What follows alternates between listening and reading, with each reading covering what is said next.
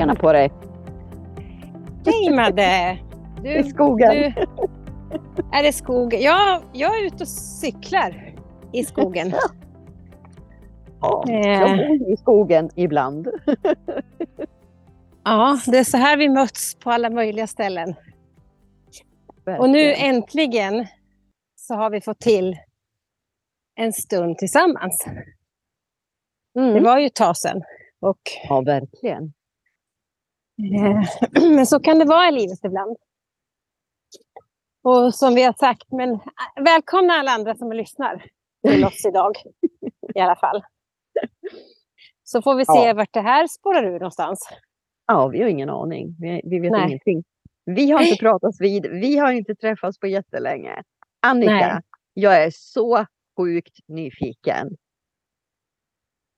Du ska snart börja en utbildning. Ja, vet du vad? Och det är lite intressant att du tar upp det. alltså jag skrev till eh, Ann-Charlotte som ska hålla i den här utbildningen. Eh, en fantastisk, jag måste bara säga det för att jag hade tårar, det rann tårar på mig idag. En ja, fantastisk Ann-Charlotte är ju då eh, Ann-Charlotte Lövdahl som var med i ett annat avsnitt tillsammans med Eva Mandelqvist tidigare. Mm. Och som driver multidimensionell terapiutbildning. Ja, precis. Ja, I Sverige. Jo, men alltså naturligtvis så strular allting till sig inför utbildningen. Ja. ja. Och eh, så jag skrev till henne, eller jag har skrivit några gånger, jag skrev att nej men jag vet inte vad det är, om det är jag själv som på något sätt sätter käppar i hjulet. Eh, fast jag är omedveten om det. Eftersom jag så gärna vill gå den här utbildningen. För jag tror mm. att det här kommer att vara en stor del i mitt pussel. Absolut. I livet. Men naturligtvis då närmar det sig den här tiden jag ska starta den här tvååriga utbildningen. Och allt innan såg ju så här jättebra ut. Och Eh, ekonomiskt hade jag sparat ihop eh, pengar för att kunna gå. Och sen så kommer det massor med saker i vägen som livet brukar fixa till ibland. Eh, mm. som, ja, där jag liksom helt plötsligt står där och inte har pengarna till utbildningen och, eh, av olika anledningar. Och, eh jag har ett schema där jag jobbar som har liksom hopat ihop sig så att jag inte kommer ifrån första delen mer än ett par dagar kanske. Eller ja, ett par dagar är det jag kan komma ifrån i alla fall. Eh, jag vet inte ens om... Jag har, jag har ju en vacker och fin underbar hund som jag gärna vill ska ha det bra om jag är borta någonstans. Så jag vet ju inte om jag har hundvakt i det här läget för att jag misstänker att jag inte har det. Men ja, i alla fall, alla de här delarna gör då att jag står och är jätteosäker. Mm. Och, och med det så har jag ju ett kaos i huvudet tankemässigt. Såklart. Men eh, känslan är ju också en oro i magen. Ja. Eh, men jag delar med mig det här till henne för att jag vill vara liksom ärlig och fråga om hon tycker det känns jobbigt eller ja, när, jag, när det blir så osäkert. Mm. Och sen frågar jag om alla delar. Och vi upp, liksom tänker att, ja, vi spånar i då att, eller jag spånar i att det här kommer att bli tokigt eller det här skulle kunna bli tokigt. Ja, eh, och jag skriver i alla fall om det här. Men hon, hon svarar tillbaks att eh, hon ser mig som en självklar del i den här utbildningen. Och eh, att det är liksom jag, ja, vi kommer lösa det i alla fall. Så vi kommer lösa det helt enkelt. Det är klart. Så jag liksom, ja, för att hon skriver så vackra ord eh, ja. till mig. Eh, och då känner jag så här, nej men alltså tänk om alla människor hade sådana här vackra människor i sitt liv hela tiden. Då skulle ju inte jorden se ut som den gör. Nej. Nej. Och apropå det, eh, så har jag liksom... Jag vet inte nu om det kommer att vara ett ljud, en ljudstörning, för nu cyklar jag ganska fort här för att komma hem och kunna prata på ett annat sätt. Men apropå det så slår det mig också i vad jag har gått med den sista tiden. Mm. I att för mig har det blivit så här, jag blir bara mer och mer medveten. Vilket är ganska jobbigt. Jag kommer ju liksom få lov att agera på det. I form av att fler och fler människor omkring mig, ja, men som jag tycker är kloka, som jag tycker om, som betyder någonting, liksom kommer längre och längre ifrån mig. Ja. Eller jag kommer längre och längre ifrån dem. Jag vet inte. Och eh, då känner jag mig ganska ensam. Ja. ja. Så det var också en del i det här att när jag hade pratat med Ann-Charlotte så kände jag att eh, ja, men då kändes det som att jag byggdes på och fick energi och att jag är på rätt väg. Liksom. Så det är inte tu tal om det, utan det är mer att eh, livet krånglar till det ibland. Och det, mm. Så det är inte så enkelt. Nej. Men det brukar lösa sig. Mm. Om man tar några varv till. Det här är så fint att du pratar om och, och tar upp. Därför att det, det, här är någonting som är så, så vanligt. Och det är så himla lätt då att när vi är människor gå upp i mm. huvudet och börja analysera, skapar en oro i magen och så flyr vi. Mm. Och säger nej, det här är inte för mig, för då hade det... Eh, har gått tillbaka till devisen, när det rätt går det lätt. Och det går inte lätt, allt går fel. Mm. Eh, och ibland är det så att det är våra rädslor i vårt mänskliga jag som omedvetet attraherar problem. Mm. Eh, men själen vet så säkert och den styr styr oss ändå emot dit vi ska. Liksom. Att våga då följa som du tar en kontakt med Ann-Charlotte och reder upp sig och nej men det här ordnar vi och, och, det här löser sig och du känner dig trygg och, och, och sedd och förstådd och allt det här. Och, och, och det är liksom det här själen som bara ja, ja. Och sen mm. jaget då måste få någon form av trygghet. Eh, i att lyssna på själen. Mm. Då behöver vi få de här mentala, vi löser det så här, konkreta förslagen. Så alltså att oron i magen kan släppa. Alltså hela det här systemet som drar igång i oss. Och också att du har sagt ja till det här. Det innebär att när du sa ja till det här, vilket är ganska länge sedan, det är ju inte idag. Ja, nej, precis. också har processen satt igång och den är då ostoppbar, för det ligger på din livsväg. Du kan alltid genom fri vilja och personligt ansvar välja en annan väg, men då blir det lite obehagligt och lite besvärligt. För det hade, skulle du stänga dörren och säga jag ska inte gå det här nu, för att eh, det blir mm. inte tillräckligt bra. Om du absolut inte lyssnar på själen så kan du gå emot det om du mentalt börjar analysera det här. Ja. Men det kommer att komma återigen, återigen, återigen tillbaka därför att själen, det ligger på vägen i livet för dig. Ja. Att börja, ja. du har tackat ja till, till, till, inte till bara utbildningen utan att utforska mer av dig själv. Och du jobbar i den här processen under lång, lång tid så medvetet.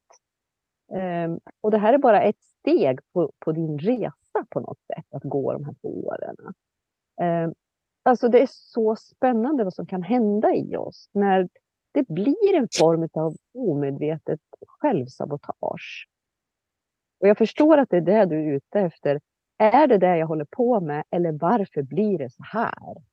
Ja, precis. Jag har ju resonerat liksom med mig själv. Ja. Och det, för det resonemanget måste man ju ha. Men jag har ju försökt att känna känslan. Ja. Och varit liksom ärlig i att jag vet inte. Men liksom också vågat blotta mig där för henne. Ja. Eh, för det är ju också en aspekt i det hela. Att Absolut. man många gånger kanske tycker det är jobbigt att eh, säga så här att jag får inte till det liksom. Eh, riktigt och, och så då. Men för mig är det viktigt och det är som du säger, för jag vet ju, jag vet ju någonstans att det är en del av min resa som är betydelsefull. Ja. Därför så, ja, så får det liksom... Nu ska jag ha tillit till det här, att det ja. blir bra.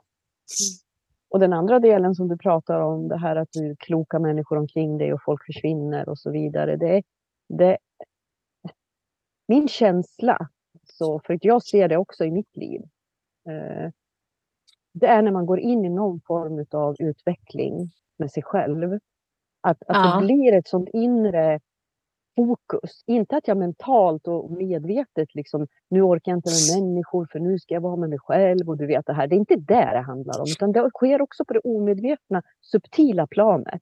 Att det blir någon form av frekvensförändring i en som gör att då plötsligt så ser man saker i människor eller man själv beter sig som en idiot eller du vet det här som gör att det liksom uppstår saker eller man bara glider isär helt fast. Men vad fan tog den människan vägen? Hallå, nu är det tomt här. Titta på oss.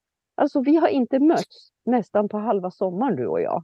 Och det är ju helt sinnessjukt egentligen. Men tiden har bara inte funnits som har passat för oss båda två. Och jag tror att Nej. du är på din resa. Jag är i en jävla process jag också har varit sedan tidigt det här året som pågår. Ehm, så det är också sådana här grejer. Och också våga vara sårbar i det här. att Det är inte dig det handlar om. Jag fattar inte vad det är med mig. Jag behöver någon som håller mig lite. Kan du bara acceptera att jag är som jag är? Ehm, alltså det här att sträcka ut handen. Förlåt om jag säger eller gör dumma saker. Det, det, det är inte alls min mening. Och det här. Och ibland så händer det grejer. Jag hade ett utbrott här för, förra någon vecka sedan till en av mina närmsta vänner och jag vände mig om och liksom bara snäser åt henne. Och sen Mm. efteråt när jag sätter mig i bilen och åker därifrån så bara, nej fy fan det här är så pinsamt. Så skäms jag, skäms ända in i skelettet du vet. Och jag får direkt liksom skicka, jag tar ansvar för mitt beteende, jag ber så mycket om ursäkt. Alltså det var helt orimligt liksom att jag beter mig på det här sättet. Men, men jag, är helt, jag helt tappare liksom. Och det händer inte så värst ofta också. Så jag förstår vad du pratar om det här att, men gud, min upplevelse att människor bara, vad händer i livet? Liksom, med, med mig själv och med människor omkring mig. Ja. Det är, Och- det är inte helt lätt. Nej, det är det verkligen inte. Och och det det finns så mycket faktorer som spelar in. Och som man liksom, om man nu ska analysera saker och ting. Och ibland behöver man inte göra det, utan det bara händer ändå. Det bara så att man kan låta det vara. Ja. Eh, Men som du säger, det viktiga aspekten är väl ändå att ta ansvar för, för sig själv. Och så förstå att ehm, det kommer, man går sina steg i livet. Och ibland hamnar man på en nivå, liksom en plattform som är lugn och trygg och bra. Inget direkt händer. Och sen rätt som det är så ger man sig ut på en resa igen och då kommer det inträffa saker. Mm. Eftersom eh, det är ju det som är utveckling av en människa. Jag vill säga det till dig nu på en gång Annika. Nu känner jag att jag kommer tappa det. jag vet vilken resa du kommer ge dig in på nu. Mm. Och jag vill att du vet. Vad som än händer för dig så står jag kvar. Mm. Mm. Det vet jag, men det, det är fint. Mm. Och det är väl därför jag, jag vet det så väl. Och jag tänker så här, ibland blir jag lite besviken att vi inte kan ses och träffas och så. Men det är mitt ego som vill, vill det. Att det för jag känner liksom att vi har så mycket intressant och fint och, och prata om och, när vi ses. Och det är inte bara det, det är energin i hela våran, vårt rum när vi ses som är fantastisk. Eh, och att jag har behov av det. Men varje gång ändå som när den här besvikelsen kanske kommer så känner jag att det spelar ingen roll för att eh, jag vet det jag vet och jag är trygg liksom med vår relation. Det känns ändå viktigt att jag säger det. Ja, tack. tack. Och det, det är helt okej. Eh, vad som än händer. Och det kanske inte händer någonting. Det kanske bara det händer kärleksfulla saker. Så du kommer sväva på små moln och solen skiner på dig hela tiden. Eh, men, men även om, om alla blir idioter och eh, du tycker att livet eh, är inte så kul alla gånger så vet att jag, jag är med dig. Mm. Mm. Det kommer ju att ske saker, det vet jag också. Det är därför det finns säkert en osäkerhet i mig själv som är helt naturlig för att vara människa. Eh, I att vara, jag vet ju inte vad som kommer att ske. Eh, så. Och det är oftast det man vill veta. Man vill oftast ha facit eller ha kontroll på situationen. Och här vet jag att jag kommer absolut inte ha kontroll. Nej. Den får jag Jag släppa. tänker, jag tänker också energin går före och själen vet allt det här och e- egot vet det också. Jag menar, egot Mm. är ju min identifikation av vem är jag? Och skulle Mm. jag in i en sån här förvandlingsprocess och också liksom kasta mig in där och bara hör själen som skriker kom igen nu liksom sådär, ja nu ska vi leka. Och, och så sprattlar eh, liksom egot. För att vem är jag då? Vem blir jag? Hur Mm. kommer livet se ut för mig? Mm. Kommer jag, Ja. att, alltså egots alltså resonemang med själen där, alltså kommer jag ha någon plats i det här livet? Alltså det, det pågår så mycket bakom kulisserna eh, Mm. emellan de här olika delarna i en och det sker så subtilt och så omedvetet så att vi förstår det inte ens. Men det, det, det, jag menar till och med man kan ju skapa sjukdom. Alltså. Jag kan få migrän eller jag kan bli magsjuk eller jag kan få en- influensa varenda gång jag skulle åka på mina block i MDT-utbildningen. Och så fick jag feber.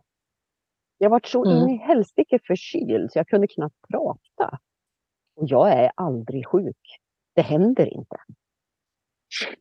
Nej. Jag gick ju de här blocken på de här utbildningarna eh, med, alltså, med Ipren och Alvedon och du vet, och jag satt där och försökte vara klok och, och smart och du vet alltihopa. Det handlar inte om det. Det handlar om att jag skulle dit. Mm. Punkt. Och allting Mm. som hände för mig, även om jag inte var så himla smart just då. Men, men det satte sig ju någonstans i mig. Och jag hade dedikerat mig att det här ska. Så jag fick Ja. ju det jag skulle ändå. ja, men det är ju också... Jag gav ett löfte till själen liksom. Att ja, men jag hör dig, jag respekterar dig. Liksom. Jag följer Mm. dig. In i det här, nu gör vi det här och så blir vi, vi ett, ett vi, ett jag. Liksom. Mm. Men jag tänker det, nu sitter jag och äter mat här också, mitt i allting. Men kan har vi sagt. vill. Jag Ja. sitter här och tjuter nu. Så att det, Ja, men men jag tänker... mascara, Vi, jag har sovit med ända sedan igår och herregud, det gör ingenting. vi har ju inte lovat våra lyssnare heller att det ska vara i en proffsstudio vi pratar. Så att det är som det är. Jag med har saknat dig så mycket. Jag tror att det är därför också jag tjuter lite. Ja, ja men det, jag blir också rörd alltså, av det där. Men det som, som slår mig också, det är ju liksom allt mod som du samlade till den här eh, delen av ditt liv för att gå den här utbildningen. För att det krävs faktiskt en portion mod. Genom att det är så himla lätt i det här läget att eh, när kroppen signalerar om någonting som du direkt vet, ja, feber, eh, hosta eller förkylning, då ska man vara hemma, man är sjuk. Eh, det är så vi tolkar det. Men som du säger så kan det vara en symptom på någonting annat, ifrån någonting annat. Och att då liksom ändå våga sig ut och prova den här vägen som man har tänkt sig är modigt. Och det som slår mig också, det är ju att en av våra eh, som kom på vår retreat, workshop, den här vi hade i september. För henne var det ju samma sak. Ja. Hon fick gå, hon gick i alla fall på den här för att hon såg fram emot det och visste att hon behövde det. Trots att hon fick gå på Ipren. Ja. Så eh, ibland ska man strunta lite i vad hjärnan säger. Man ska inte tro på sina tankar hela tiden. Nej, men det, det här är ju det och jag kan förstå. Men alltså, nu, nu jobbar ju vi väldigt mycket eh, med att utforska oss själva och så vidare. Det, det, vi fattar ju det här till en viss gräns. Det finns så mycket som inte vi heller förstår.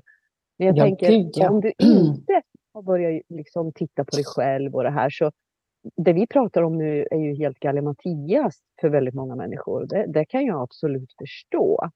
Jag menar när vi till och med kan tycka att det är lurigt. Mm. Eh, så vem skulle inte tycka det? Men det jag vill säga till dig som lyssnar. Att jämför dig aldrig med någon annan. Du gör din resa i din takt. Alla gör vi vår resa i vår egen takt. Mm. Och vi förstår det vi behöver förstå, där vi befinner oss. Vi har tillgång till andra människor som förstår och kan hjälpa oss på vägen. Om vi sträcker ut handen och ber om det. Utifrån den plats där vi befinner oss. Så möter vi människor som kan se, förstå och guida och hjälpa oss. Kanske säga något par kloka ord. Bara sådär i förbifarten. Det behöver inte vara stora saker. Eller att jag får en bok av någon eller någon tipsar mig om en film eller vad som helst som bara, ah, jag förstår. Ja, och när du säger det på det sättet så slår det mig också. Jag hade, mm, nu när jag har varit borta ett tag så har jag filosoferat lite. Eh, tänk på, jag hörde några kloka kvinnor som sa eh, att vi eh, som just jobbar också med eh, att hjälpa. Och, de, och det gör de utifrån sin egen erfarenhet och har påbörjat en serie böcker som de ska skriva. Ja, utifrån eh, autentiska fall eh, där människor har fått uppleva saker. Eller har upplevt saker och berättar sin historia. Vilket är jättefint. Men det som slår mig där är att att vi ibland så tror vi att vi måste göra så stora saker Mm. för att hjälpa oss själva eller andra. Eh, vi kanske ser oss som att vi måste bli de här, alltså att vi ska eh, stå på barrikaden eller vi ska... Vi säger att vi kanske tror att vi måste bli chef på ett företag eller i sin verksamhet för att påverka. Eller vi måste bli stora författare eller stora föreläsare eller ja, men vad det nu är. Mm. Medan ofta är det den lilla, det lilla som hjälper. En blick, en taxa, alltså ett, man säger tack, ett ömt möte, bekräftelse. Alltså jag ser det i mitt jobb hela tiden. Det Mm. lilla jag gör, för jag tycker verkligen inte att jag gör så mycket. Och det är det som jag menar. Att jag tycker inte att jag gör så mycket, men jag förstår att jag gör det många gånger. Ja. Och det här gör jag hela tiden, förstår du? Varje dag. Ja. Och det är det som de flesta, alltså alla gör ju det. Precis, och det är det här vi, hela tiden går omkring och tänker så att jag är inte tillräcklig, jag är inte nog. Eller alltså, Mm. inte kan jag. Eller, nej, men det Mm. handlar inte om vad vi gör. Det handlar om vem väljer jag att vara. Det temat har varit så starkt i år.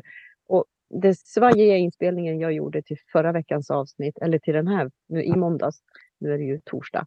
Eh, då gick jag tillbaka till den årsläggningen jag gjorde. Och det handlar Mm. hela tiden om det här. Vilka medvetna val gör jag? Vem vill jag vara? Kommer det ur min sanning? Eller kommer det ur någon annans förväntan på mig som är omedveten om mig? Mm. Därför att vi pratar här bara om vem vill jag vara? Vill jag vara en god medmänniska? Vill jag vara en god vän? Eh, vågar jag vara äkta och ärlig som jag som snäser åt min, eh, min vän här och, och bete mig och våga sen stå för att fan, jag fattar inte ens själv vad som hände i mig. Jag vet inte vad som hände. Det bara, det bara klickar liksom. Men förlåt. Mm. Att, att också våga vara sårbar. För det är också en form av ärlighet att våga det. Och sen om det, mottagaren då säger nej men det är inte okej eller ja men då är det så. Men, men jag, Mm. jag måste ändå stå för det. Ta Mm. ansvar för. Det är den jag vill vara. Och när vi alla går omkring och mer fokuserar på vem vill jag vara? Så sker fantastiska saker. Det Ja. betyder inte att jag eh, har, har en föreläsning och har ehm, 70 000 åhörare. Liksom, eller att jag blir bästsäljande liksom, i några böcker eller någonting. Det är inte det det handlar om. Det är vem jag väljer att vara varje dag. Utan Precis. att förvänta mig att någon betalar tillbaka. Jag förväntar mig inte någonting tillbaka. Nej. Utan jag är medveten om vem jag vill vara. Därför Mm. att det känns bra i mig. Och det liksom är ju egentligen det enkla svaret. Sen är det väldigt svårt att ta sig dit ibland. Eh, för det kräver ändå ett arbete med sig själv. Mm. Eftersom många människor faktiskt inte vet vem de är eller vill vara. Eller vad de tycker, om det är de själva som tycker eller så. Eftersom både du och jag tror att själen är ju god, alltså själen är ju kärleksfull och själen är vacker.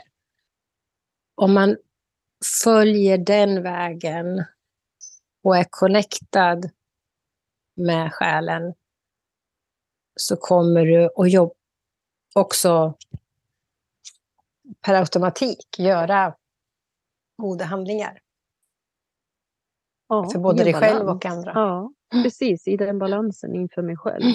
Mm. Inför min, min omvärld. Mm. Jag, jag, jag kan uppleva att det är fler och fler människor som ändå... Det är stökigare och stökigare på jorden. Men det är fler och fler människor som också söker sig till en annan variant av livet. Och med det menar jag kanske att det räcker med att man kanske börjar gå ut i skogen som man aldrig gjort förut. Man kanske söker sig till att vara i sin ensamhet ibland som man aldrig gjort förut. Eh, För att det man känner, någonstans så känner många människor idag att eh, det finns ett annat behov, det är någonting som lockar. Det är någonting som behövs, något annat. mm. Och det tror jag är den universella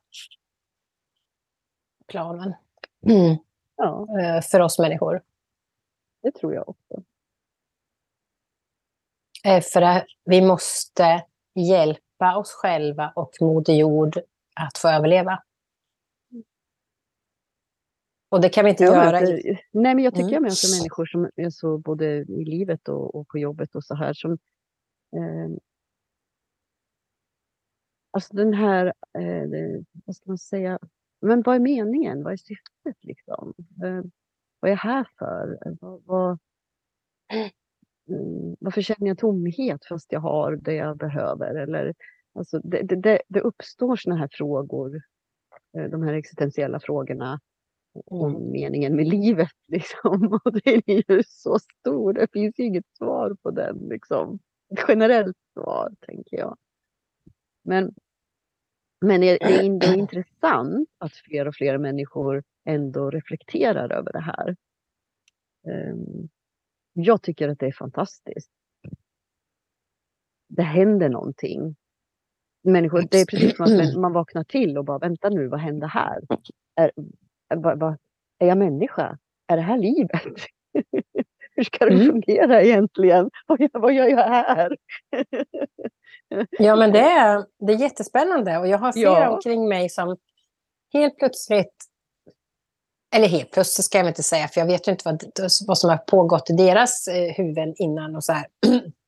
Men som inte i alla fall har uttryckt sig så, så att jag har fått ta del av det. Men människor som ändrar sina liv, börjar tänka att nej, ska jag bo på den här platsen hela mitt liv? Ska jag göra det här hela mitt liv? Ska jag liksom befinna mig i den här rollen hela mitt liv? Mm. Och de har kommit fram till att nej, troligtvis inte. Det finns någonting annat som lockar just nu. Eller Mm. som finns där ute. Mm. Och där de börjar diskutera liksom, eller dela med sig att vi har tänkt och funderat att vi kanske ska göra så här eller bo på det här sättet. Och det jag menar med det, det kan vara liksom ett kollektivt boende. Mm. Eh, eller att man vill bli ekologisk eh, i allt eh, tänk och miljömedvetet. Och det, är fler och fler människor. Faktiskt också, om jag tänker parallellt så mot det andra som jag sa, att jag har fler och fler människor också som, som jag känner att börjar komma längre och längre ifrån mig. Mm. Eh, så finns det fler och fler andra som närmar sig Ja. Det jag tror på. Eller det jag är öppen för. Um, som också är intressant. Ehm, så jag tänker att det, och den delen till kanske hör mig och min utveckling. Mm. Att jag uppmärksammas av det på ett annat Mm. sätt. Mm. Den där är en himla bra eh, ledtråd som jag tänker spinna vidare på. När man inte riktigt vet vem man är. Eh, som du sa, så här, att ja, man vet inte vem man vill bli och man vet inte vem man är ens en gång. Eh, nej, men titta dig omkring. Vad har du för människor omkring dig? Är det människor som är ärliga? Känner du dig trygg med dem? Eller är det människor som ger dig dåligt samvete, som pekar finger, alltså anklagar dig? Alltså, Jaha, har du, är du sjuk nu igen? Eller jaha, nej, jag har inte gjort det där. Eller jaha, nej, men det där. Alltså det här. Mm. Eh, och, och då tänker jag att det speglar din inre miljö. De människor du har i ditt liv omkring dig, det är människor som speglar din inre miljö. De tankarna du har om dig själv och hur du ser på dig själv, även om det är omedvetet, så kan du titta dig omkring vilka människor du har omkring dig. För de är Mm. en spegel av ditt samtal du har med dig själv. Eller synen du har på dig själv. Mm. Är du väldigt sträng med dig själv? Eh, Tycker du aldrig att du är bra på någonting?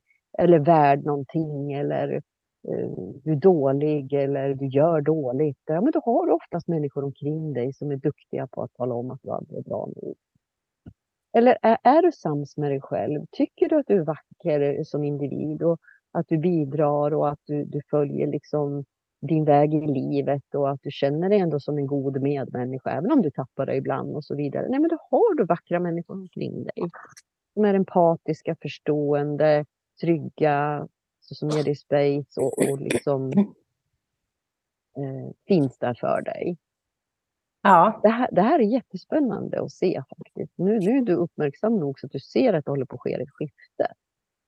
För mig var det Ja. några år sedan som jag såg, eh, ganska många år sedan faktiskt, från att ha varit väldigt, jag har haft alltid killar, ända sedan jag var liten, alltså killar omkring mig i mitt liv som kompisar. Mycket liksom sådär.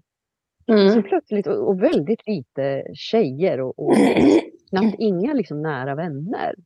Kvinnor. Väldigt få i alla fall. Kanske inte knappt någon. Och sen plötsligt så bara vaknade jag till. Men gud vad har hänt i mitt liv? Herregud vad mycket fantastiska kvinnor jag har i mitt liv överallt. Var kommer alla de ifrån? Det hade hänt någonting i mig. Jag hade mer börjat omfamna alltså den feminina aspekten i mig, inte bara den maskulina som jag hade levt väldigt mycket utifrån. Utan det började liksom balanseras upp det där på något sätt. Det var häftigt. Mm. Men jag kan faktiskt skriva under på det där, för att jag har upptäckt sidor hos mig själv. Eller jag har tänkt på det. Jag har kopplat... Eller jag ska säga så här, jag har kopplat känslor i mig själv eh, som ändå speglat min omgivning. Eller av, ja. Det som också har, jag har lagt märke till är att de närmsta som jag har kanske också har ändrat sig i sitt sätt att vara. Eller att jag har ändrat mig eh, så att det har påverkat. Jag vet inte, men det har förändrats i alla fall. Eh, och det är inte till det negativa utan tvärtom till det positiva. Och det kan ju vara min syn på mig själv eller att jag upptäckt saker eh, så att jag har förändrat mitt sätt att hantera det eller agera på det eller vad det nu är. Den här ensamheten som jag upplever, som jag sa, den kommer nog ifrån att jag blir lite sorgsen, tror jag. Det kanske är mera... Nej, det är nog inte ensam. Ja, ensamhet finns också där, men sorgsamhet över att jag tycker världen blir så yt, är så ytlig. Den blir bara ytligare och ytligare, upplever jag. Men det är för att just nu så cirkulerar det mycket kring mig. Och då känner jag mig ensam, för att jag vill ju diskutera på djupet. Jag vill Mm. möta en människa på djupet. Och det kan, jag, det kan jag verkligen göra i mitt jobb. Mm. Och det är också intressant. Mitt jobb har ju till, har liksom, bara för ett tag sedan så vet jag att vi pratade om det. eh, så, så la jag liksom mycket att nej, mitt jobb är bla bla bla, orkar inte. Så. Men nu har jag liksom skalat bort det som jag inte kan påverka på jobbet och tagit till mig det jag kan påverka och få vara i den kärnan. Mm. Vilket då har gett mig en känsla av lite att få komma hem. Ja. Du har tagit tillbaka kraften till dig. Eh, och Mm. det här, och nu, nu måste jag säga det här. Den processen som du gjorde när du valde att säga upp dig då, att ha ett avstånd för att du behövde samla ihop dig. Det gi- pågick saker i dig, både medvetet och omedvetet, för att du skulle kunna landa i en acceptans för Mm. att det var så här det såg ut. Det är Mm. okej.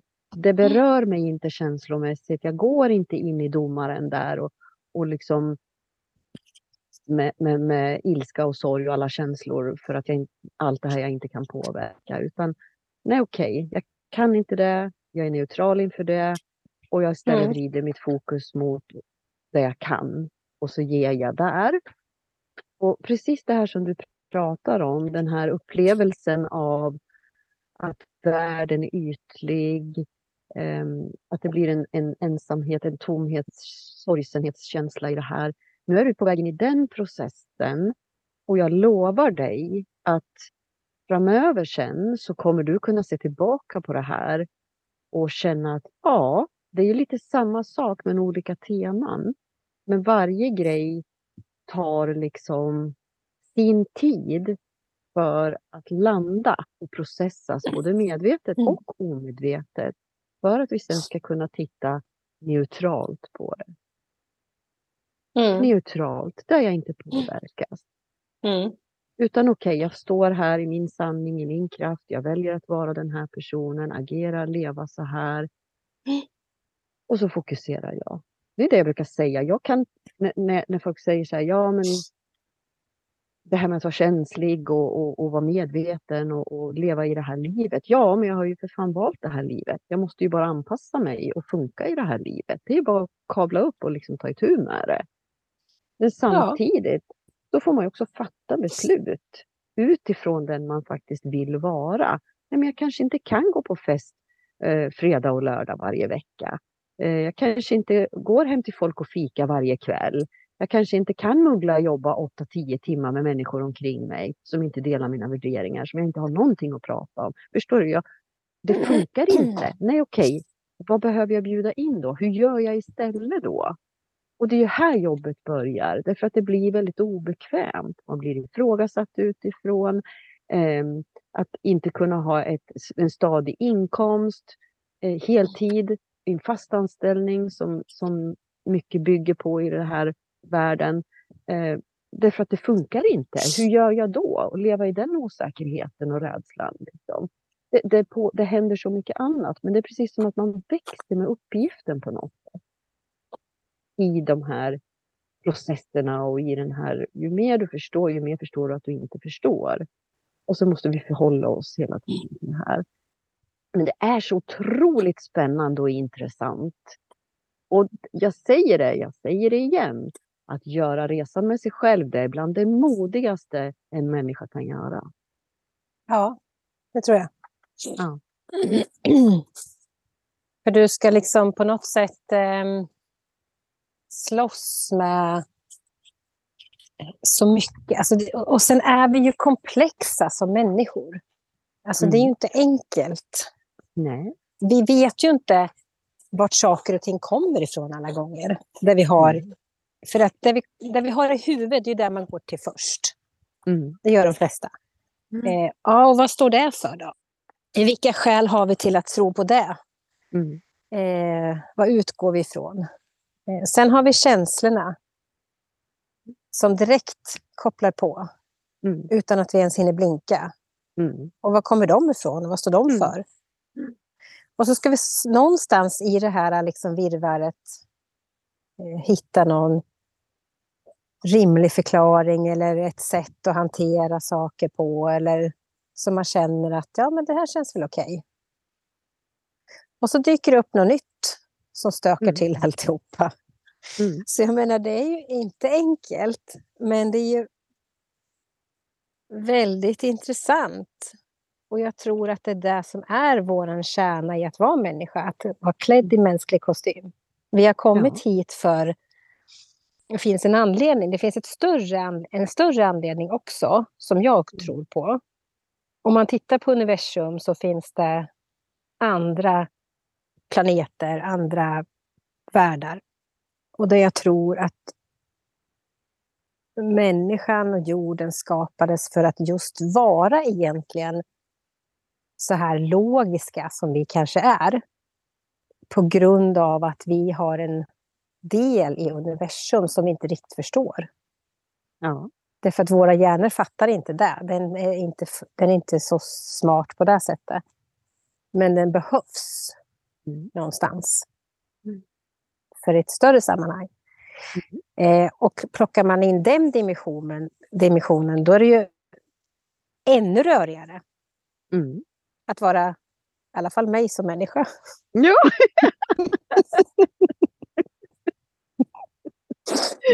du får gå tillbaka till det här som jag brukar säga. Eh, jag, jag, vet att jag vet, men jag vet ja. inte vad jag vet. Och det är okej. Okay. Ja. För att i mig så vet jag att jag vet. Men, men det finns inte ord som räcker till. Eh, och jag, kan, jag, jag är inte heller tillräckligt... Min hjärna kan inte heller förstå vad är det jag vet. Så det spelar ingen roll om orden fanns, för hjärnan kan ändå inte omsätta det. Det är någonting som jag upplever att Vedic Arten gör. Kurt Kjellman som grundade Vedic Art, som, som det, det, är inte en konstform utan det är ett sätt att förhålla sig till konst eh, i mm. skapandet, det är en skapande mm. form. Eh, mm. men sätt det på duken. Mm. sätt det på mm. duken liksom.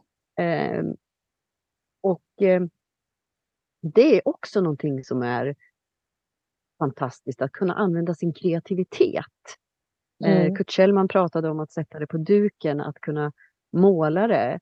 Eh, vi kan sätta toner till det. Vi kan skapa musik. Mm. Eller vi kan ta fram ett garn och stickor och skapa mönster och eh, skapelser ur det. Alltså, eller sätta upp en väv och, och väva någonting eller plantera, eh, skapa en trädgård. Alltså vi kan skapa mm. genom mm. vår kreativitet fantastiska saker som kan omsätta det inte vår mänskliga hjärna kan omsätta eller mm. förstå. Mm. Men kopplar man fri vårt medvetande, vilket vi inte kan, eh.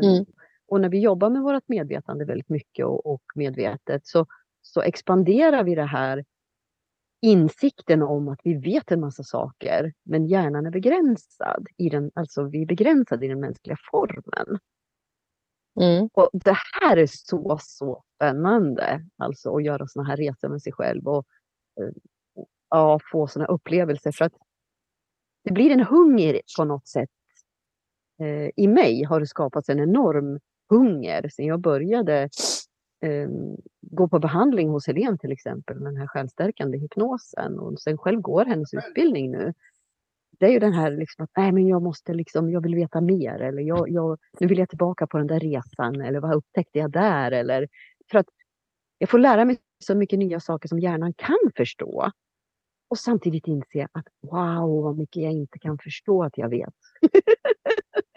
mm. Men, men någonstans så blir det, eh, växer den här delen också i en, att, eller i mig, att det är okej. Okay. Det är okej okay att jag inte förstår. Jag vet ja. att det jag kommer att behöva förstå i den här formen, det kommer jag att förstå när det är dags. Men det är också det är frigörande att inte förstå, för vi, vi kan inte alltid förstå. Men jag tror att det är det som många hänger upp sig på. Och det är väl därför många också sluts till vetenskap. Och så tror man att vetenskap är någonting som förklarar exakt hur det är. Men så är det ju mm. inte heller. Det är det som är det komiska. Att det finns ju inte en vetenskap som står still. Den förändras ju precis som allting annat hela tiden. Mm. Mm. Men jag tror att mänskligheten har en förmåga att vilja fastna där och förstå. För att annars så Mm. ser du inte, kan du inte ta på det så finns det inte ungefär. Nej. Många resonerar så och det är fine. Eh, Ja. Det är olika hur man vill, upp, liksom, hur man vill ta sig an livet och så Ja. och tänka. Mm. Det som är intressant är, jag måste ställa frågan, tror du att medvetandet sitter i kroppen eller tror du att den sitter utanför? Eh, när vi är ja, nu ska vi se, den där var spännande. Jag måste känna på den lite. För mig så är jag, jag är helt säker på att medvetandet är odödligt. Eh, det kommer alltid att existera. Just nu så tror jag att medvetandet går i och ur. Alltså när jag är i ett mentalt tillstånd, ett vaket tillstånd där jag behöver liksom vara vänsterhjärnhalvad och, och, och medveten. Så då tror jag att medvetandet är mer kanske i mig. Alltså förstår du vad jag menar? Mm, att den mm, är, är mm. mer i, i min form. Men Mm. sätter jag mig för meditation till exempel eller jag går och lägger mig och sover eller eh, jag Mm. gör en hypnos eller jag gör någonting annat. Så då, då, då tror jag att med, då seglar medvetandet eh, emellan eh, dimensioner. Eh, Okej. Mm. och jag tänker som medium, alltså om jag nu använder mig av den termen nu. Eh, när jag arbetar i mitt mediumskap, till exempel med andevärlden, som igår till exempel var i Stockholm och hade en seans, så expanderar jag ju mitt medvetande för att kunna vara Mm. tillgänglig för medvetandet som är det som har överlevt. För vi har ju begravt kroppen när människor dör. Men Mm. människors medvetanden existerar ju. och Det är ju medvetande till medvetande någonstans som vi kommunicerar med varandra. Ja, det är intressant. Eh, och varför jag frågar dig är för att jag har lyssnat på en svensk läkare eh, som har forskat i eh, nära döden-upplevelse. Och det är så spännande. Ja, det är det faktiskt. Och jag ska forska vidare i det här själv för att det finns väldigt lite material i Sverige. Eh, det finns Ja. inte den här. Det här är nog den första stora forskningen som har kommit fram som nu är utgiven. Jag kan i alla fall leta fram länken till artikeln eh, så Mm. ska vi lägga in den Mm. eh, om man är intresserad av att läsa den. Den är ju på engelska då. Mm. Men det är för att jag har ju läst en annan amerikansk från en amerikansk eh, neurolog till himlen och tillbaka. Heter den Ja. boken i alla fall på svenska. Och den hade han också läst, eh, den här Mm. läkaren. Mm. Men han ställer sig ju frågan och utifrån ett alltså vetenskapligt perspektiv just om medvetandet är Mm. fysiologiskt, alltså sitter i Mm. kroppen på en människa Mm. eller inte. Mm. Eh, eftersom hans, det säger han inte när jag lyssnar, men hans hypotes kan jag tänka mig ligger någonstans i att det finns, no, det finns människor som är med om att man dör fysiskt. Mm. Och vad Mm. händer då? Varför är det vissa då människor som upplever, alla gör Mm. ju inte det, men Nej. varför upplever vissa människor då en resa utanför sig själv Mm. på något sätt och kan berätta saker när de kommer tillbaks för Mm. att de blir återupplivade? Och det var Jag väl där vet- hans intresse. Ja, jag vet att på Netflix finns en serie som heter Surviving Death. Och där är det också forskare som uttalar sig. Om, alltså då har man ju eh, det är några avsnitt där som jag inte riktigt... Det är så där kan man spola förbi. Men, men några Mm. avsnitt i, i den serien var väldigt intressanta. Och jag vet Mm. att eh, Windbridge Institute eh, är ju också eh, de forskar bland annat på det här medvetandet. Eh, Det är jätte, jättestort. Ja, ja, det Ja. finns massor, eh, eh, men inte i Sverige just. Och då blir jag Nej. så här nyfiken. Och den här Mm. rapporten, eller hans, eh, kom ju ut i januari tror jag, eller Mm. februari. Och jag är Mm. så himla sämst på namn, så det är därför jag inte kan komma Nej. på. Nej. För mig är inte det här väsentligt. Men jag ska ta reda på det i alla fall. Ja, Eh, ja. Sen har han och hans fru eh, tillsammans och sen med en kollega startat, eller vill starta och kommer nog starta en utbildning för vårdpersonal i det här med Oj. nära döden-upplevelse. ja. Är inte det häftigt? Det är fantastiskt och verkligen på Alltså, i rätt tid. Ja, i På tal om att medvetandet ökar i människor om att vi är mer än en fysisk kropp. Liksom, Med det som tillhör, eh, tillhör den. Mm. Ja, det är så sjukt häftigt. Gud Ja, jag tycker det här är jättekul, Du för- måste ta reda på vad han heter nu. Ja, det ska jag göra. Och så ska vi lägga ut det. Jag själv är ju liksom väldigt intresserad av det här men har liksom tänkt Mm. att det är, det är lite typiskt svenskt att, inte, att man inte pratar i de här termerna. Mm. Man struntar i att folk, massor med människor har varit med om det här och deras berättelser. Man förklarar det då med, och det tar han också upp lite grann, att man förklarar det med att eh, det är hjärnan som spelar en spratt. Han säger det på ett Mm. bättre sätt förstås. Då. Ja. Men, men i alla fall. Mm. Men saken är ju den att det gör den inte. Enligt Nej. honom. Och han har ju Nej. forskat vetenskapligt på det här. att Mm. Fysiskt så går våra hjärnor ner i ett dödsfall. Alltså när vi Mm. drabbas av en hjärt, ett hjärtstillestånd till exempel. Mm. Så går hjärnans eh, möjlighet Mm. ner så pass att du kan inte. Den kan Nej. inte förmå sig att skapa någonting. Nej. Så vad är det då som händer? Mm. Det är det som är intressant.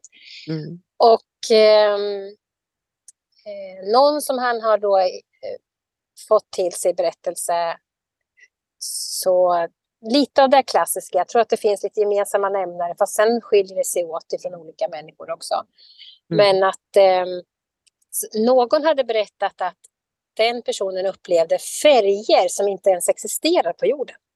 Nej, just därför. Vi kan inte med våra ögon se. Nej, Nej, alltså, och de är inte är... utrustade, alltså utvecklade så att kunna se alla de färgerna. Nej. Men gud, jag läste om det för inte allt för länge sedan faktiskt. Så det är helt sjukt att du tar upp det nu. Jaha, ja du ser. Det är synkroniciteten där då. Återigen. Återigen. Eh, nej, men jag tror att det ligger så mycket i det här och det kommer bli en förlösande faktor att han har kommit Mm. ut med den här och kanske Mm. då kan få till den här utvecklingen av utbildning. Mm. Mm. Ja, det vore ju fantastiskt.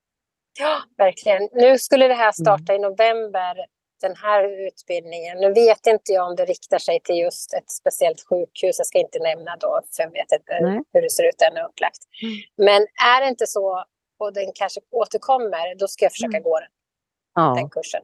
Utbildningen eller föreläsningen. Så. Mm. ja. Men det får bli senare. Mm. Men det är intressant i alla fall. Och jag tänker så här att jag kände bara wow, det finns ett hopp. Ja. eh, här också eftersom vi Mm. har just att få människor som absolut bara tror på den vetenskapliga rapporten eller Mm. vetenskapliga teorin. Eller eh, det fysiska. eller det fysiska, att man då Mm. kan få fram studier som har just gjorts utifrån en utvecklad vetenskaplig metod. Mm. Att nej, men det finns någonting annat. Ja. Och jag återkommer igen till det här med att det är också en tid för kvantfysiken. Alltså Absolut. Den, eh, att, att, att, att den har ju funnits eh, egentligen eh, medvetenhet om hos eh, människor sedan länge tillbaka, men den har ju inte blivit tagen på allvar. Liksom. nej. Den Madame Blavatsky också. till exempel förstås. försökte ju, alltså hon var ju inne faktiskt, för hon hade ju inte begreppet i, inom teosofin, eh, så fanns ju inte begreppet eh, kvantfysik.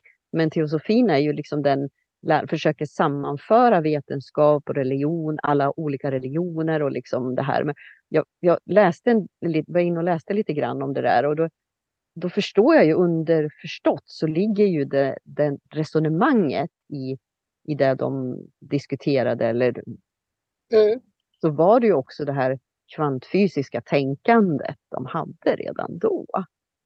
Mm. Eh, Ja, men eh, vad heter det? Platon, Ja. eh, jag menar, har ju pratat om det här.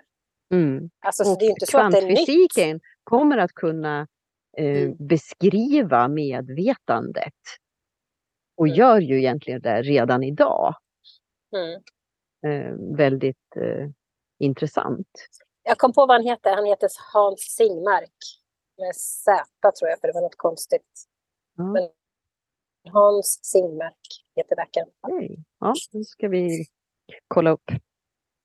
Eh, du kan googla på honom så kan du se. Ja. Men Ja. eh, väldigt, väldigt intressant.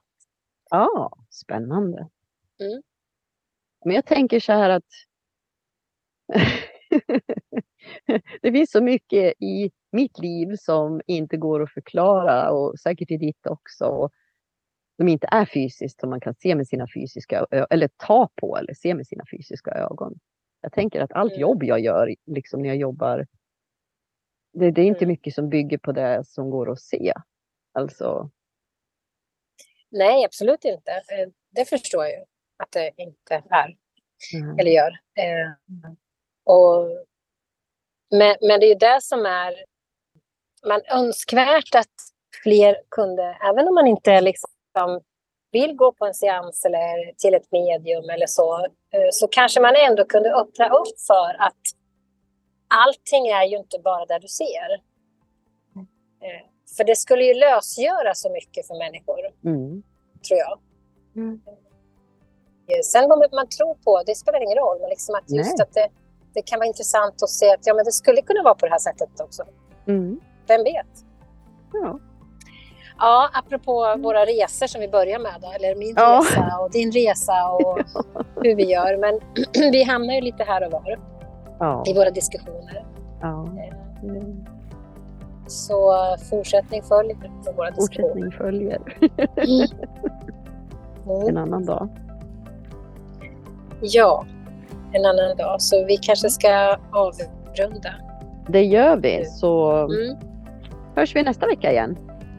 Det gör vi absolut. Du och jag och kram. förhoppningsvis lite tidigare. Ja, det hoppas jag med. Tack Kanske för idag, tjing på er! ja. Ja.